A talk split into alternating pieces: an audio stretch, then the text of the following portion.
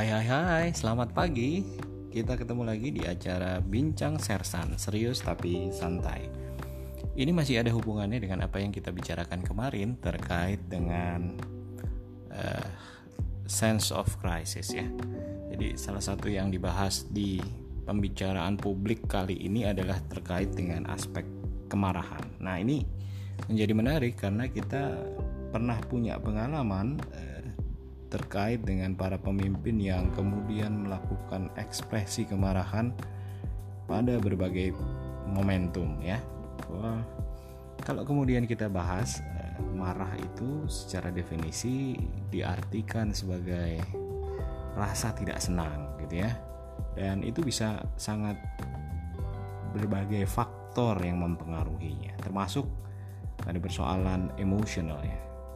Ada aspek psikologis, ada aspek uh, fisik, tapi kita kemudian memahami bahwa kepemimpinan itu adalah subjek yang posisinya jauh lebih tinggi daripada publik secara umum ya.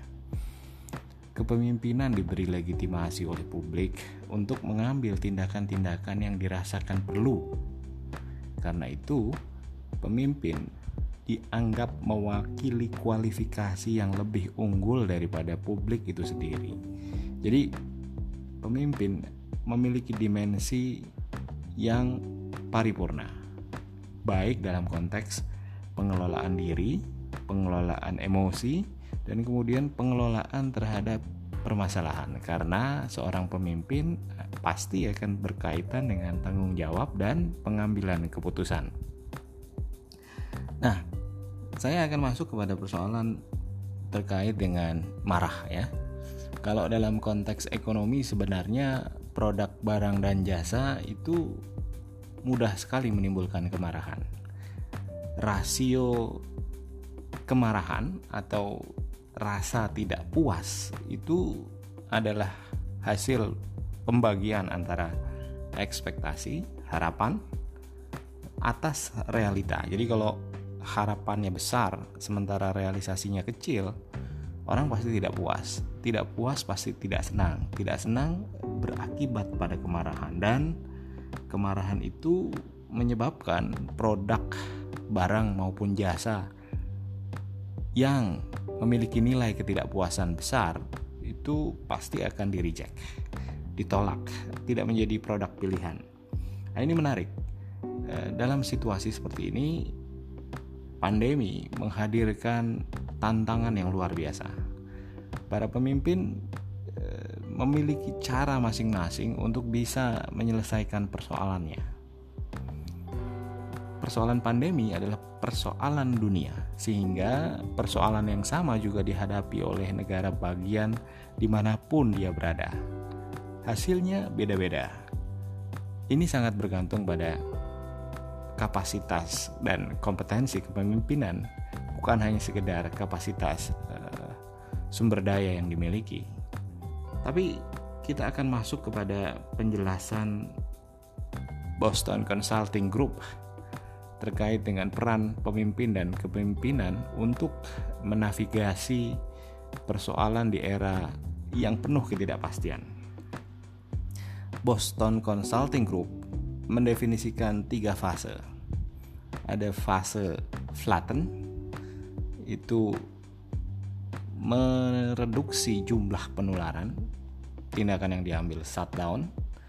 Lalu kemudian ada fase fight, bertarung. Setelah wabah bisa dikendalikan, maka kemudian seluruh sektor kehidupan di restart ulang.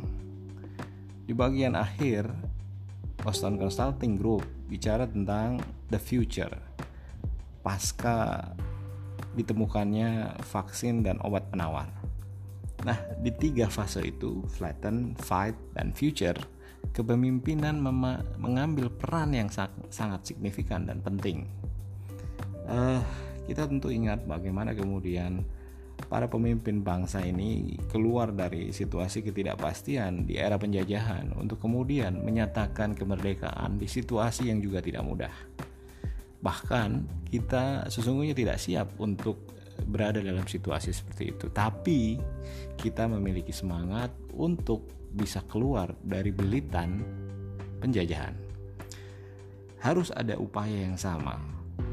Kemarahan itu bisa dimaknai positif kalau kemudian dia menghasilkan perubahan positif.